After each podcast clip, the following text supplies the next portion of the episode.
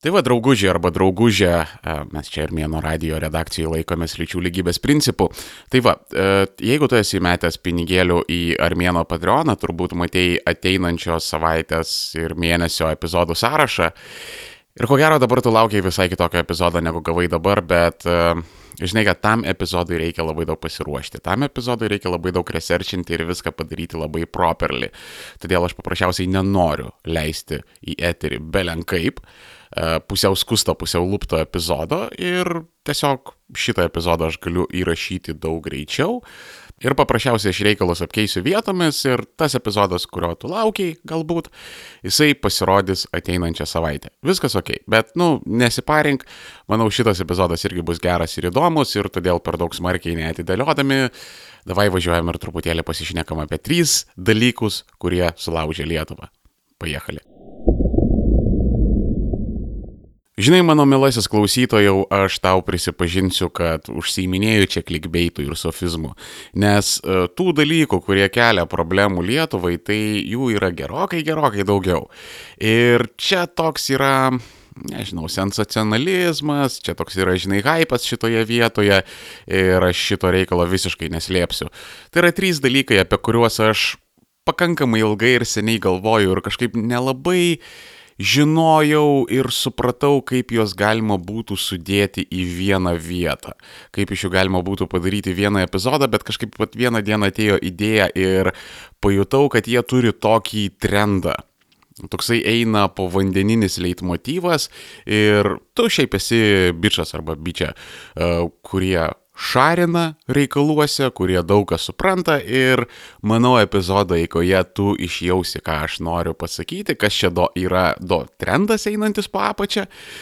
Ir pabaigoje mes apie tai galėsime su tavim draugiškai ir smagiai pasišnekėti. Beje, jeigu tau nelabai įdomu važinėti ir klausyti šito epizodo, tai tiesiog apačioje yra timestampai, klikink ir pereisi ant tos vietos, kuri labiausiai tave domina. Tai va, pradedant, aš norėčiau truputėlį nusikelti galbūt tolimą, kai kam, man tai nelabai tolimai yra praeitis, bet jeigu tu esi jaunas, jeigu tu esi gimęs nepriklausomai Lietuvoje, tai tie dalykai, kuriuos aš tau pasakosiu, tai turbūt pasirodys tau kaip koks 18 amžius balanos gadynė ar kažkas panašaus. Tai aš tiesiog priminsiu, kad 90-ieji, 2000-ųjų pradžia Lietuvai buvo tokie labai sudėtingi ir e, ten vyko visokiausių dalykų, ten buvo ir pakso apkalta, ir ištisiniai mitingai, tai policininkai, tai gaisrininkai mitinguoja, ūkininkai su traktoriais ten po Vilnių važinėdavo, ten kelius užstatinėdavo. Žodžiu, sudėtingi laikai buvo ir visuomenė buvo pasidalinusi ypatingai, kai buvo ta pakso apkalta, ta visa jo nušalinimo istorija, tai paprasčiausiai buvo tas elitas, buvo runkeliai ir vieni ir kiti ėjo į aikštės ir vieni ir kiti mitingavo, būdavo net susimuždavo, nu anyway. Esmė buvo tokia, kad ten tais laikais buvo išdraskyta labai daug tokių žaizdų, kurios lygtais pradėjo gyti lygtais jau buvo išlaižyta ir lygtais buvo jau viskas normaliai, kaip ir grįžtam į normalų savo režimą, kaip čia šitą dalyką pavadinti, ir tada hujakst kedžio istoriją. Ir mane apskritai šitoje vietoje tiesiog sukrėtė tas dežavių, kai, nu, vėl matai dalinimąsi, vėl matai tos pačius mitingus, vėl matai ten tas pilamas rūtas. Ir realiai beveik viens prie vieno tą kedžio istoriją pakartojo Pakso apkaltos istoriją, tik tai paskedė. Ten buvo gerokai daug, daugiau žmogžudyščių ir keistų mirčių, bet anyway. Ir dabar tau šitoj vietoj turbūt būtų įdomu sužinoti mano poziciją. Poroje streamų mane žmonės klausinėjo, ką aš galvoju apie šitą kedžią istoriją, kokią aš buvau pasirinkęs poziciją, aš apie tai esu pasakojęs, bet, nu, jeigu tu šitos dalykus pražiopsoji, tai aš paprasčiausiai įvesiu tave labai greitai ir trumpai į temą.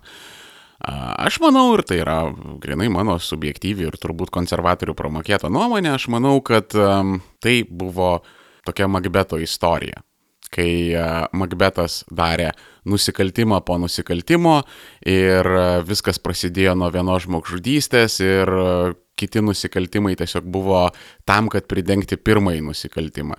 Mano grinai subjektyvę ir debilišką nuomonę, ko gero buvo taip, kad vyko skirybos tarp Stankūnaitės ir Kedžio ir Stankūnaitė per savo vaiką galėjo pretenduoti ir į alimentus, ir į visokiausius kedžio turtus, o jisai toks buvo visai neblogai pasiturintis vyriškis.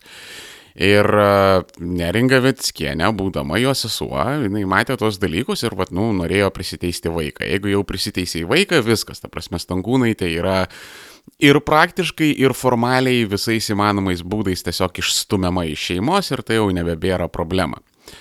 Tai jinai būdama teisėja, jinai žino, kad tėvui iš motinos vaiką prisiteisti yra nesvietiškai sunku.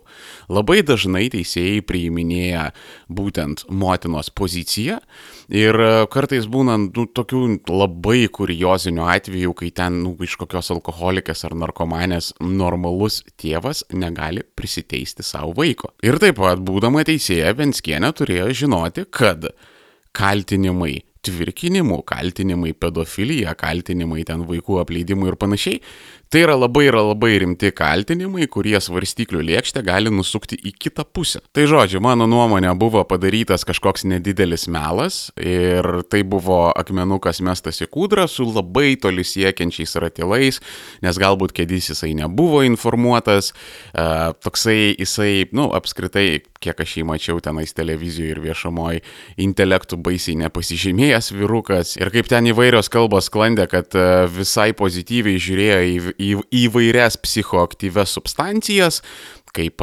kava, kaip cukrus, kaip alus.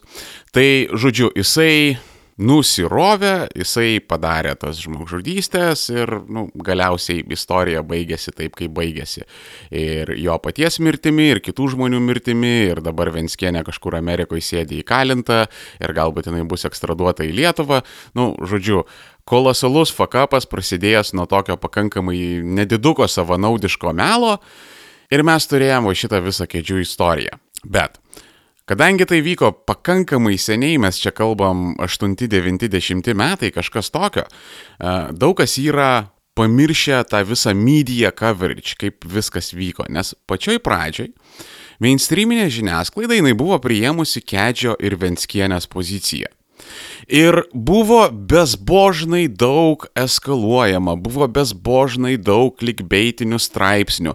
Venskienė ir kėdys jie praktiškai nelindo iš eterio, jos ten kvietė į visokius pokalbių šou, iš jų noriai ėmė interviu ir tada paraleliai online žiniasklaidoje ten pradėjo eiti visokie straipsniai ten apie visai nesusijusius pedofilijos atvejus, apie ten maždaug, o ar tikrai Lietuvoje veikia kažkokie pedofilų klanai, ir, nu, žodžiu, šita tema buvo eskaluojama ir eskaluojama ir buvo pilamas ir pilamas ta žybalas į ugnį, kol galiausiai susiformavo kažkokia kritinė masė žmonių, kuri buvo užangažuota būtent žiniasklaidos. Ir tada žiniasklaida prajautė tokį dalyką, kad, okei, okay, jau mes visuomenę padalinom, mes vieną pusę visuomenės kaip ir užangažavom, kaip ir juos patenkinom Ir blėt, jeigu mes dabar eisim ant kitos visuomenės pusės, mes čia irgi galėsim priplauti babkių. Karočią, čia žinai, tai buvo chrestomatinė dupešas trečias laimė situacija. Ir, nu kaip, aš suprantu, kad žiniasklaida irgi yra žmonės. Aš suprantu, kad žmonės gali būti suklaidinti, žmonės gali būti blogai informuoti, bet Šitoje vietoje, jeigu žiniasklaida pačiai pradžiai buvo tenais kėdžių klano suklaidinta ir blogai informuota, tai pagal idėją jinai kaip ir turėjo išeiti ir, nu, padaryti kažkokią mea kulpą, pasakyti, nu, Hebra, nu, vat jo, apkvailinom mus, apsikvailinom, sufeilinom šitoje vietoje, nu, atleiskit, dabar mes gavom visai kitokią informaciją, mes turim visai kitokį vaizdą ir, nu, vat taip tiesiog nutiko, va, mea culpa, nu, soriukas, tikrai atsiprašom.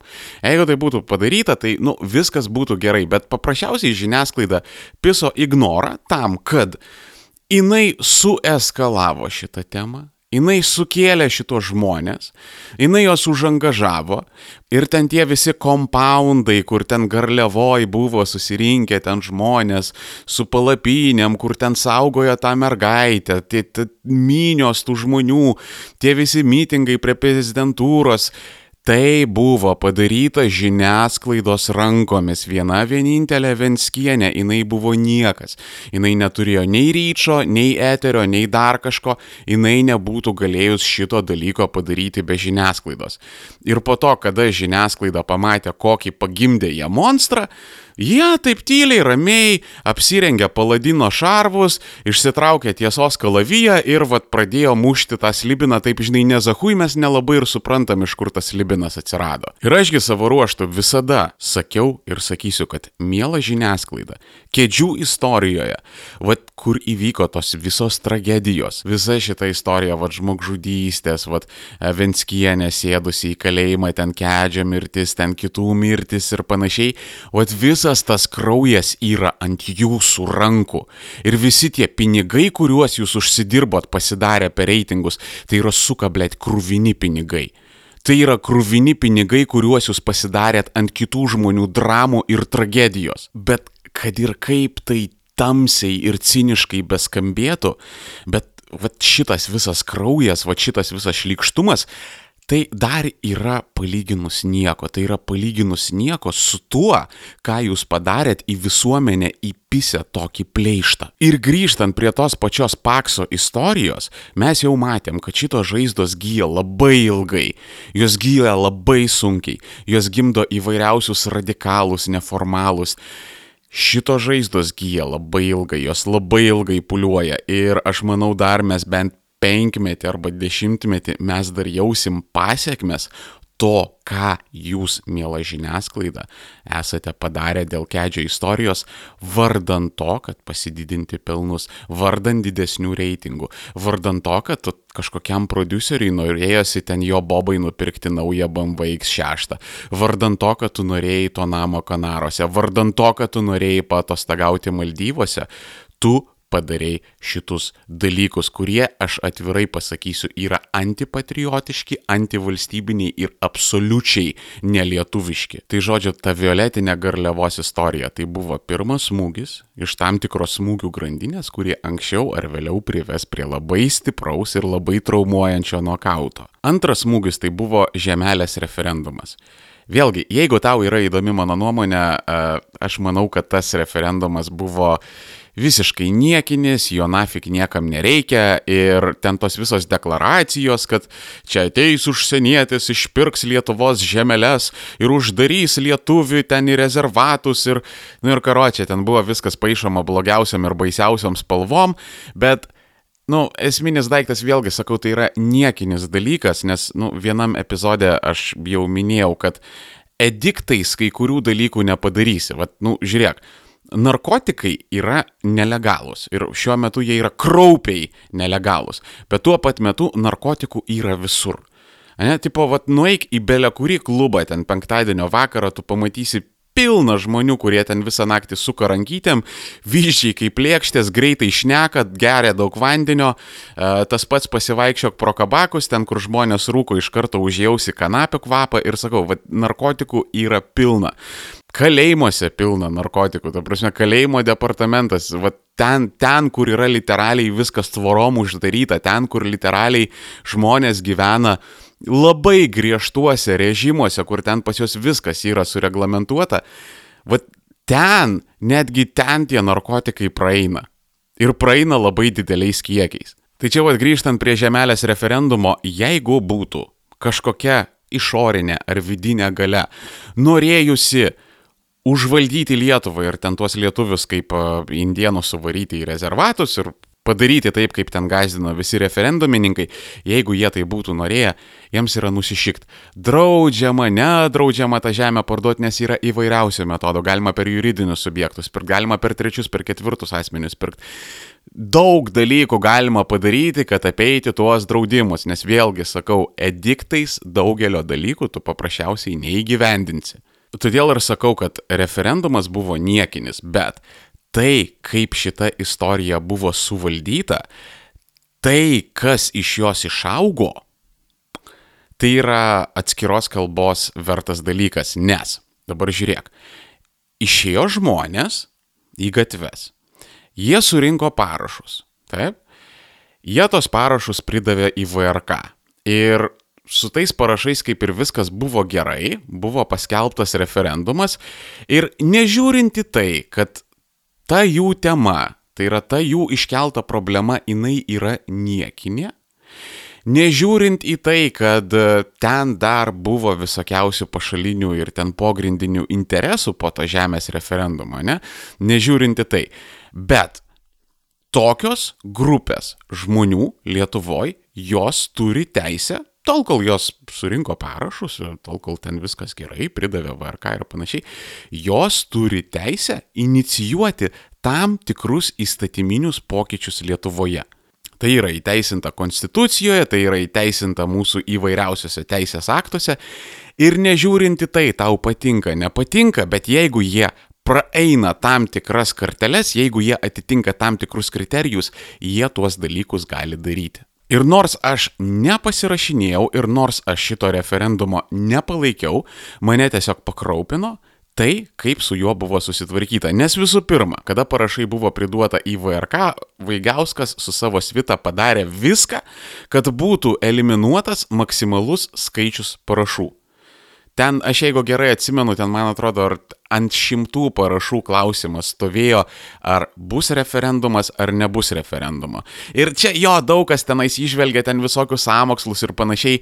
Aš samokslų nematau, aš manau, kad Vaigauskas ar kažkokie kitokie žmonės, jie galėjo tiesiog būti durniai su iniciatyva. Ir nei jų ten kažkas prašė, nei ką, bet, nu, vat, norėjosi įsiteikti establishmentui ir bet ėmė ir padarė tokį dalyką. Tai čia buvo pirmas žingsnis. Antras žingsnis - tą referendumą paskelbė vasarą. Tokiu metu, kada, nu, tikrai niekas neįs balsuoti, kada ten dauguma žmonių atostagauja, kada daugumai žmonių yra nusišikt, jį paskelbė vasarą. Ir taip institucinių lygių Nežiūrinti tai, kad žmonės atitiko kriterijus ir praėjo tos pragaro ratus ir karteles ir tikėkit manęs, tikėkit manęs, e, tas parašų rinkimas yra visiškai ne juokas. Aš truputėlį padėjau aušrai maldeikieniai parinkti parašų ir aš ten nu šūdą surinkau ten, nežinau, iki šimto, ten daleiskim keliasdešimt, net, net neįsivaizduoju, bet, nu, ka kažkas, kažkas tose ribose. Ir, ir, ir ten gatvėmis prasivaikščiau, ir ten draugus, ir pažįstamus agitavau. Tai net tas šūdnekis, kurį aš padariau, mane tikrai pakankamai smarkiai išmušė iš pusiausvyros ir pakankamai tai atėmė daug jėgų ir energijos ir surinkti tuos šimtus tūkstančių parašų. Tai, nu, blėt, yra pakankamai žygdarbis.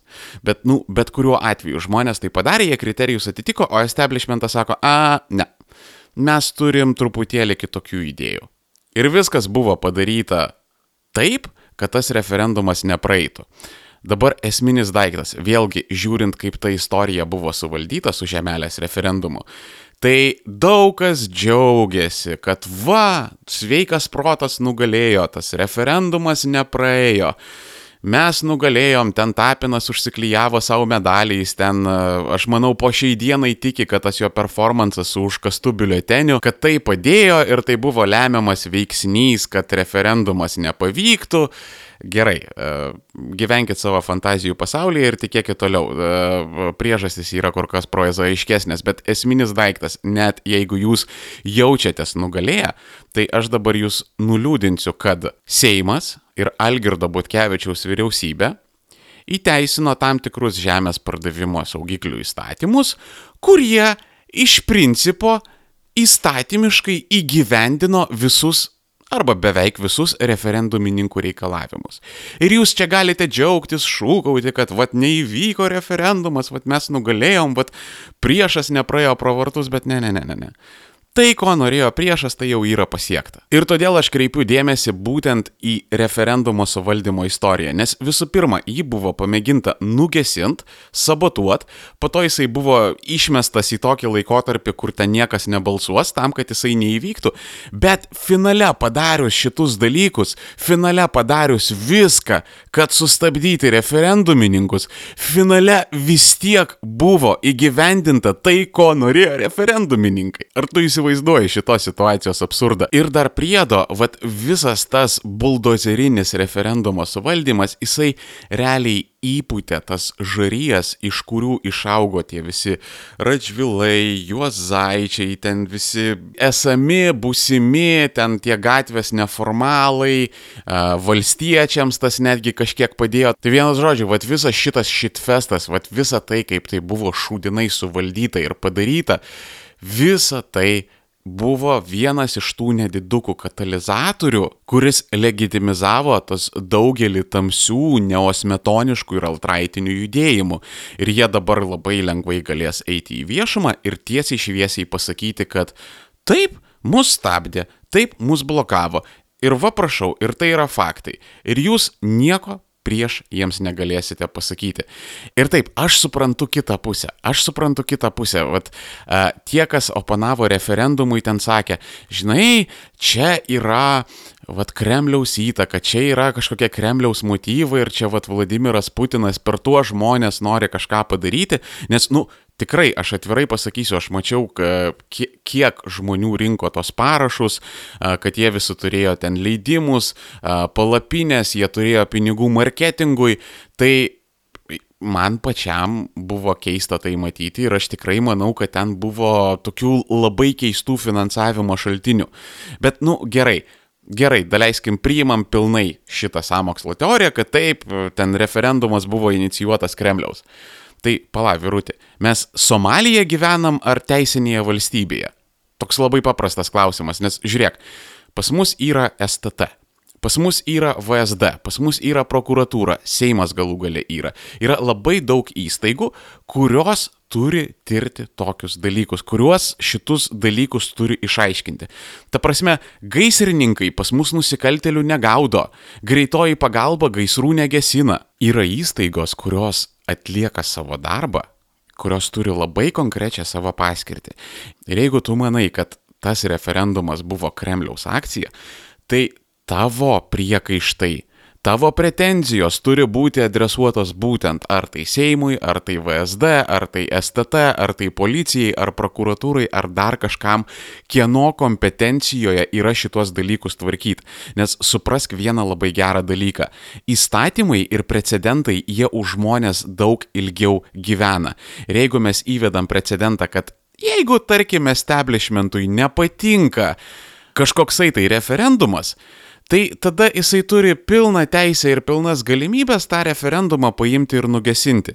Ir tu šitos žodžius prisiminsi, jeigu establishmente sėdės ten nežinau kokie nors juozaitininkai ar ten tie patys valstiečiai įsitvirtins ir tu nueisi, surinksi parašus ten pavyzdžiui, nežinau, už kanapių legalizavimą Ir kada tu šitą dalyką patirsi, tai žino, kad iš dalies tai buvo tavo kaltė. Jeigu tu nematei problemų taip, kaip gesino žemelės referendumą, jeigu tu nematei problemų taip, kaip su juo buvo susidarojama, tai žino, kad iš dalies tai bus tavo keltė, jeigu tu norėsi legalizuoti kanapės ir tave nafik nustums į šalį ir padarys su tavim viską, ką padarė su žemelės referendumu. Žiūrėk, čia yra viskas labai paprasta, kaip 2 kart 2 4.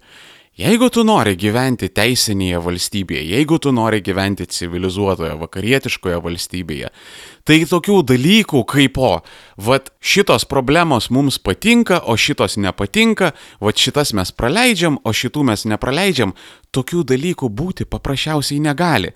Nes jeigu prasideda selekciniai tie bajeriukai, kad, vad, jo, šitie eikit, eikit, čia su jumis viskas gerai, o šitą, ne, ne, ne, ne, o vad jūs ne, jūs stovit vietoje, vad jums nieko negalima. Tai jeigu jau prasideda tokie dalykai, tai tada kuo mes skirsimės nuo kokios nors Putino Rusijos? Nu, ta prasme, labai logiškas ir racionalus klausimas. Ir jeigu tu gyvenai vakaruose, tu turbūt pastebėjai, kad ten taip yra labai viskas biurokratiška, taip ten viskas yra labai užgrūzinta, ten viskas yra labai lėta, bet vėlgi tose pačiose civilizuotose vakaruose, jeigu tu ten gyvenai, tu pastebėjai, kad dalykai vyksta Dalykai vyksta lietai, sunkiai, jie vyksta, jie yra įgyvendinami, žmonės pasiekia savo tikslų, ten yra išsilavinimas normalus, ten yra sveikatos apsauga normali, ten yra socialinė apsauga normali, nes ten taisyklės yra virš visko. Ir dabar daugelis problemų, kurios kyla kai kuriuose vakarų valstybėse jos yra būtent iš to, kad jau pradedama taisyklės ignoruoti, jau ten prasideda kažkokios interpretacijos, jau vietoje žodžių ten teisėta, neteisėta atsiranda patinka, nepatinka, įdomu, neįdomu. Ir vad visos problemos ten eina nuo to, kad jau pradedama nebežiūrėti į taisyklės. Ir man šiaip klausimas, mielas berniuk ar mergaitė, jeigu tu ploji katučių, kada gesino žemelės referendumą. Jeigu tu džiaugiaisi, jeigu tau viskas patiko ir tu sakei, jo, gerai varo, taip ir toliau, jo, viskas zaibys. Man toksai klausimas, kaip tu dabar jautiesi? Kaip tu dabar jautiesi suvokdamas, kad tai prieš ką tu kovoji visiškai nepasiteisino, nes finale referendumininkai grinai formaliai pasiekė savo ir dar priedo tu, džiaugdamasis ir agituodamas, tu padėjai pridaryti tokių precedentų, su kuriais kokia nors Agnė Širinskė negalės nugesinti tavo referendumus, galės nugesinti tavo kozus, tavo išjus. Ar smagu tau, virutė? Ar gerai dabar jautiesi? Nu ir finale, trečias dalykas sulaužęs Lietuvą. Ir čia gal, nežinau, kokį būgnų efektą reikėtų įdėti, ar dar kažką, pohui nedėsiu tingiu. E, daug kas apie tai nėra pagalvojęs, daug kas apie tai nėra susipratęs, daug kas nėra taškų suvedęs šitoje vietoje, nes kėdžių istorija, referendumo istorija, čia kaip ir viskas aišku, čia kaip ir viskas vyko viešoje erdvėje, čia kaip ir viskas buvo matoma, bet šitas trečias dalykas čia jau reikia mm, smarkiau pasigilinti, čia jau reikia daugiau pamastyti, e, daugiau su įvairiais žmonėm pabendrauti, daugiau knygučių perskaityti ir čia yra truputėlį sudėtingesnis efektas. Bet trečias dalykas, kuris sulaužė Lietuvą, tai yra Arūnas Valinskas. Taip, tas pats Valinskas, kuris veda visokius protmušius, užsiiminėja Viktorinomis, kuris išdidžiai sako, kad va jeigu bus ten karas ir ten kažkas tai tokio, tai aš va būtinai ten su savo sunumis mes ten su savo medžioklinės šautuvais ginsim Lietuvą. Tas pats Valinskas, kurio žmona sako, kaip jai patinka gyventi Lietuvoje, kaip jai čia yra smagu, kaip jinai čia gerai jaučiasi, kai tuo metu jinai nuo savo galinės verandos iš rankų šeria lamas alpakas, kurios gyvena jos ten didžiausiame sklype. Taip, tas pats Arūnas Valinskas. Ir tai yra jo 2008 metų rinkiminės eskapados.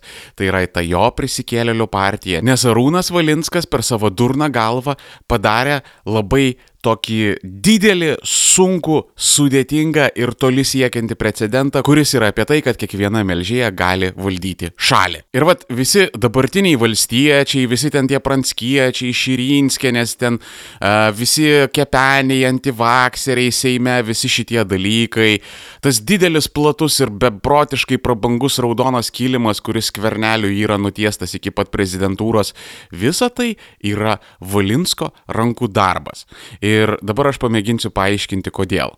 Klausiausi vieno podkasto, aš dabar neatsimenu, man atrodo, gal tai buvo Joe Rogano podkastas, kada jisai su Billy Corbinu šnekėjo, beje, labai fainas čiuvakas, jisai yra padaręs Cocaine Cowboys dokumentiką ir jeigu nematėt, tai labai labai rekomenduoju pasižiūrėti.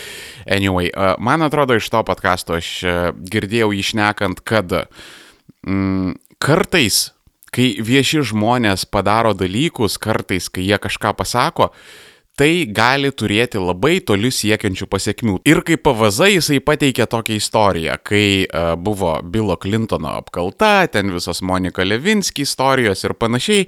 E, irgi, jeigu tu esi per jaunas ar paprasčiausiai tau neįdomu, aš truputėlį įvesiu į temą. E, pradėjo lysti faktai, kad Clintonas miegojo su Levinski, e, Clintonas sakė, ne, aš su ta moterim nemiegojau, neturėjau ten jokio sekso su ją. E, Monika Levinski tada iš kažkur išsitraukė e, suknelę su Clintono smaukalu ant jos, tą suknelę patikrino, nustatė, kad tai yra Clintono kančina ir, žodžiu, prasidėjo apkaltos procesas ir kongresas pradėjo klausinėti ir kamantinėti Clintoną, kur sako, nu pala, tai vadinasi, tu pamelavai. Vadinasi, tu pamelavai, tu sakei, kad tu nemiegojai su tą moterim, o Clintono gynyba buvo tokia. Jinai man padarė blaudžiobą. Jinai man padarė blaudžiobą ir tai nesiskaito kaip seksas. Ir tame epizode, jeigu aš gerai atsimenu, man atrodo, Billy Corbinas, e, tame epizode Billy Corbinas sakė, kad po to, kai Clintonas tai pasakė, tarp jaunimo uh, prasidėjo uh, tokia, nu, nedidukė lokali tokia uh, venerinių lygų e, epidemijų toksai šoktelėjimas, toks truputėlis spaikas, e, kuris vat, buvo būtent susijęs su oraliniu seksu ir labai daug jaunimo, kurie užaugo po Clintono, e, jie kaip ir sakė, kad, nu, ne, jeigu ten blaudžiobas, tai neseksas, jeigu blaudžiobas, tai nebūtinai tai yra iš, neištikimybė. Ir aš iš pradžių nepatikėjau, aš galvojau, nusišneka, žinai, bičias, bet uh, aš nuėjau, pasitikrinau ten visokios statistinės informacijos, radau visokių faktelių, kad uh, yra įrodymų, kad tai gali būti tiesa. Ir vad ką padarė Valinskas, tai yra būtent tokia kaip ir Clintono gynyba. Jisai nuėjo į Seimą, jisai turėjo labai efektyvę PR kampaniją, jisai surinko uh, savo partiją, nu, ble, ten e, Baukūtės, kur ten rozetės vagė, ten tos Donaldos myžalytės ten su išverstais papais, Nedzinskas, ble, Šadžius, viešpatė Kristau, ta prasme, ko, ko ten tik toje partijoje nebuvo. Jisai su tokia partija, su tokiu PR atėjo į valdžią ir jisai visuomeniai davė labai aišku signalą, kad Principė tau ideologijos nereikia, tau net idėjų nereikia, principė turėk kažkokį gerą, tinkamą PR, turėk kažkokius ten keletą išjūs ir viskas yra zaibys. Tu gali būti tas žmogus, kuris bus atsakingas už likusių ten 2,8 ir kiek tenais milijonų yra tų lietuvių likimą. Ir dabar šitie visi dalykai, dėl kurių dūsauja politologai, kad e, jau kaip ir mes gyvenam postideologinėme pasaulyje, nes anksčiau dar kažkaip partijos kreivai, šleivai dar turėdavo ideologinį, idėjinį diskursą, dabar jau jo praktiškai nėra. Apie tai, kad jie dūsauja, kad e, rinkiminė ir politinė kova tai jau nėra partijų kova, nėra vėlgi idėjų, ideologijų kova, kad tai yra, nu, tiesiog ginklavimosi varžybos tarp keletos PR agentūrų. Tai va dėl šitų dalykų, dėl kurių dabar yra labai raudama, visa tai prasidėjo nuo Arūno Valinsko. Jisai buvo tas, kuris atidarė šliuzo vartus. Ir aš manau, kad jisai nelabai supranta ir suvokia, ką jisai padaro. Ir aš manau, kad jisai jaučiasi pakankamai dabar fainai ir komfortiškai.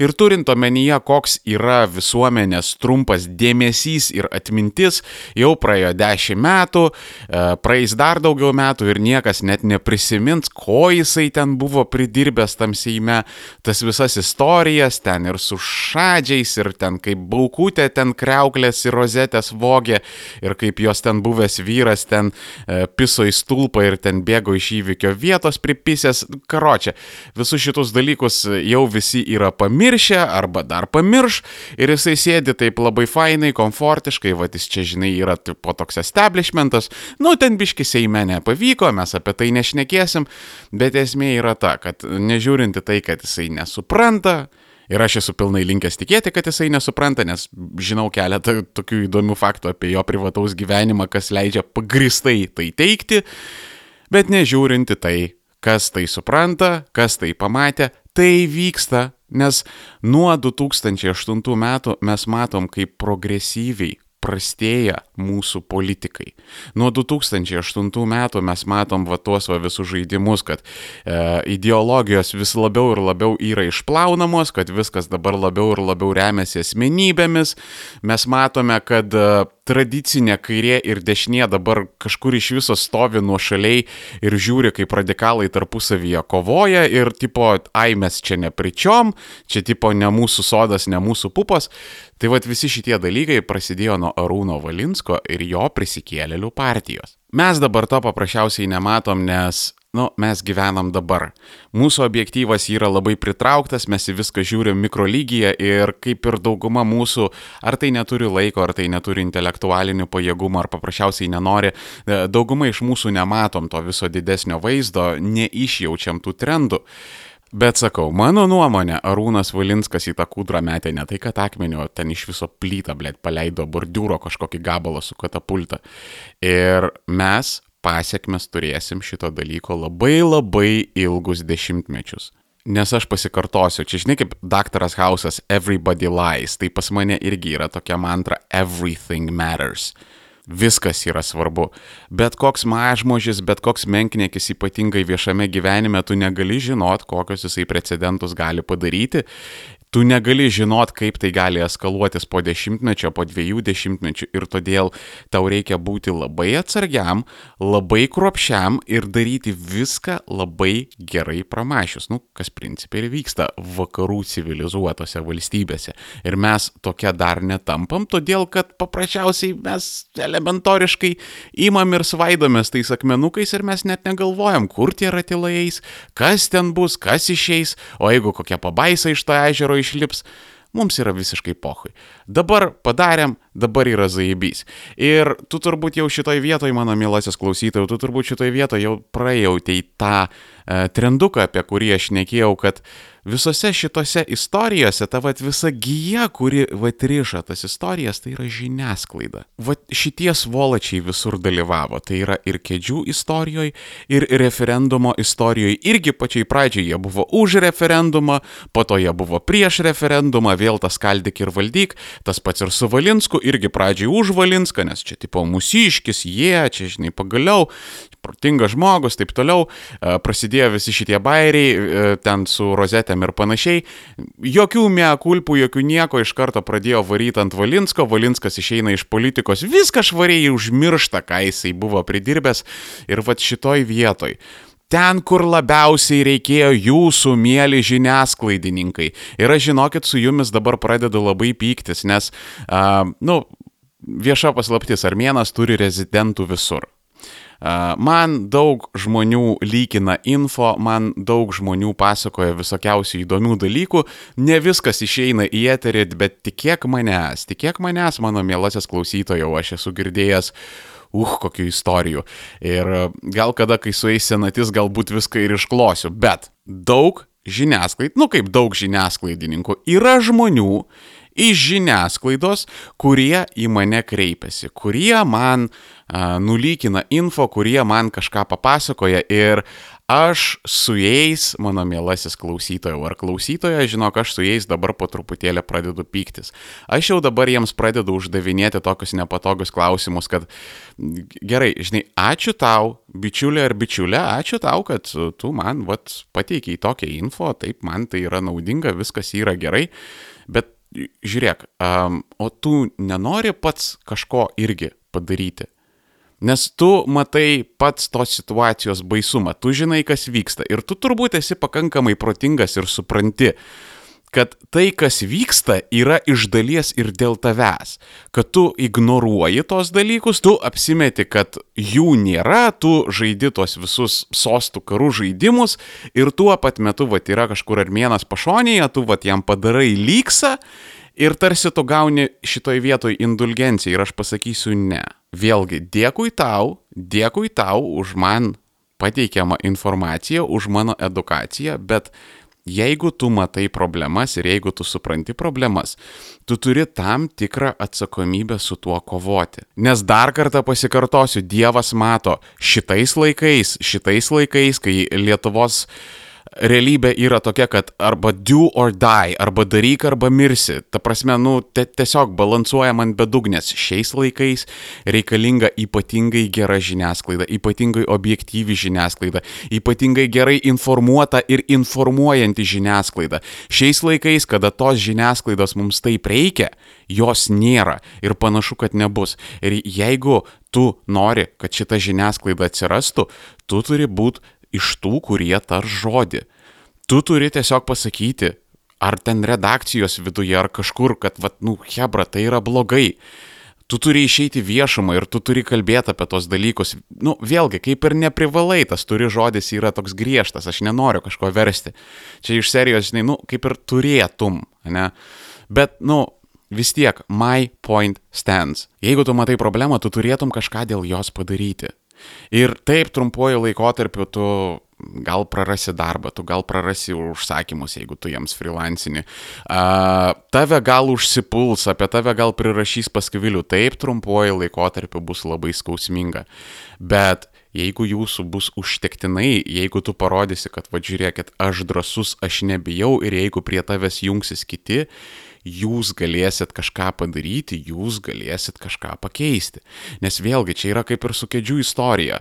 Taip jūs turit pilną teisę toliau apsimesti, kad niekas nevyksta, taip jūs turit pilną teisę būti tais e, gražiais ir drausmingais, blizgančiais to opresinio aparato sraigtais, viskas ok, jūs tą teisę turit, bet jūs neturėtumėte pamiršti, kad, kaip ir toj kėdžių istorijoje, kraujas irgi bus ant jūsų rankų. Aš labai nenoriu nacijų traukti į šitą dalyką ir apie juos šnekėti, nes, nu, tai yra labai leim, bet ten tas garsusis yra posakis, kad uh, nacijai atėjo į valdžią ir darė tuos nusikaltimus ne dėl to, kad buvo daug blogų žmonių, aš čia žinoma tai labai perfrazuoju, ne dėl to, kad buvo labai daug blogų žmonių, o dėl to, kad labai daug gerų žmonių nutarė apsimesti, kad jie nieko nemato ir niekas nevyksta.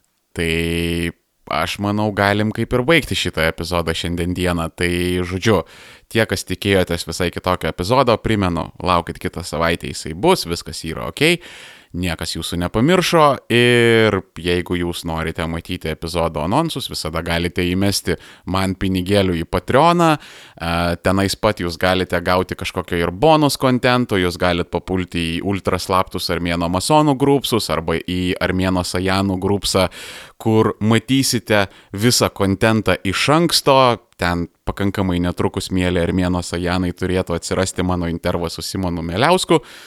Žodžiu, turite visas opcijas, galite kripto man įmesti, visos piniginės yra apačioje, galite man pagelbėti su Brave browseriu, kuris ten periodiškai padalina tokenų ir man galite juos permesti irgi šitą dalyką su didžiausiu malonumu priimu.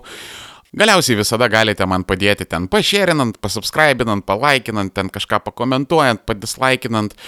O jeigu jums šitas kontentas visiškai nepatinka, tai jūsų pilna teisė. Jūsų pilna teisė yra pasiūsta armėną nahui ir nieko jūs man nesate skolingi. Tai karočią, kaip ir viskas. Šiandien tiek. Gerų visiems Velykų, kietų kiaušinių, su kalėdom ir laimingų naujų metų. Viso gero. Paka. Shabadabadashta, shabadabadashta, shabadabadashta, shabadabadashta, shabadabadashta, shabadabadashta. شبه دبه دشت دشت دش شبه دبه دبه دب سیراخچیک میچ هستالیس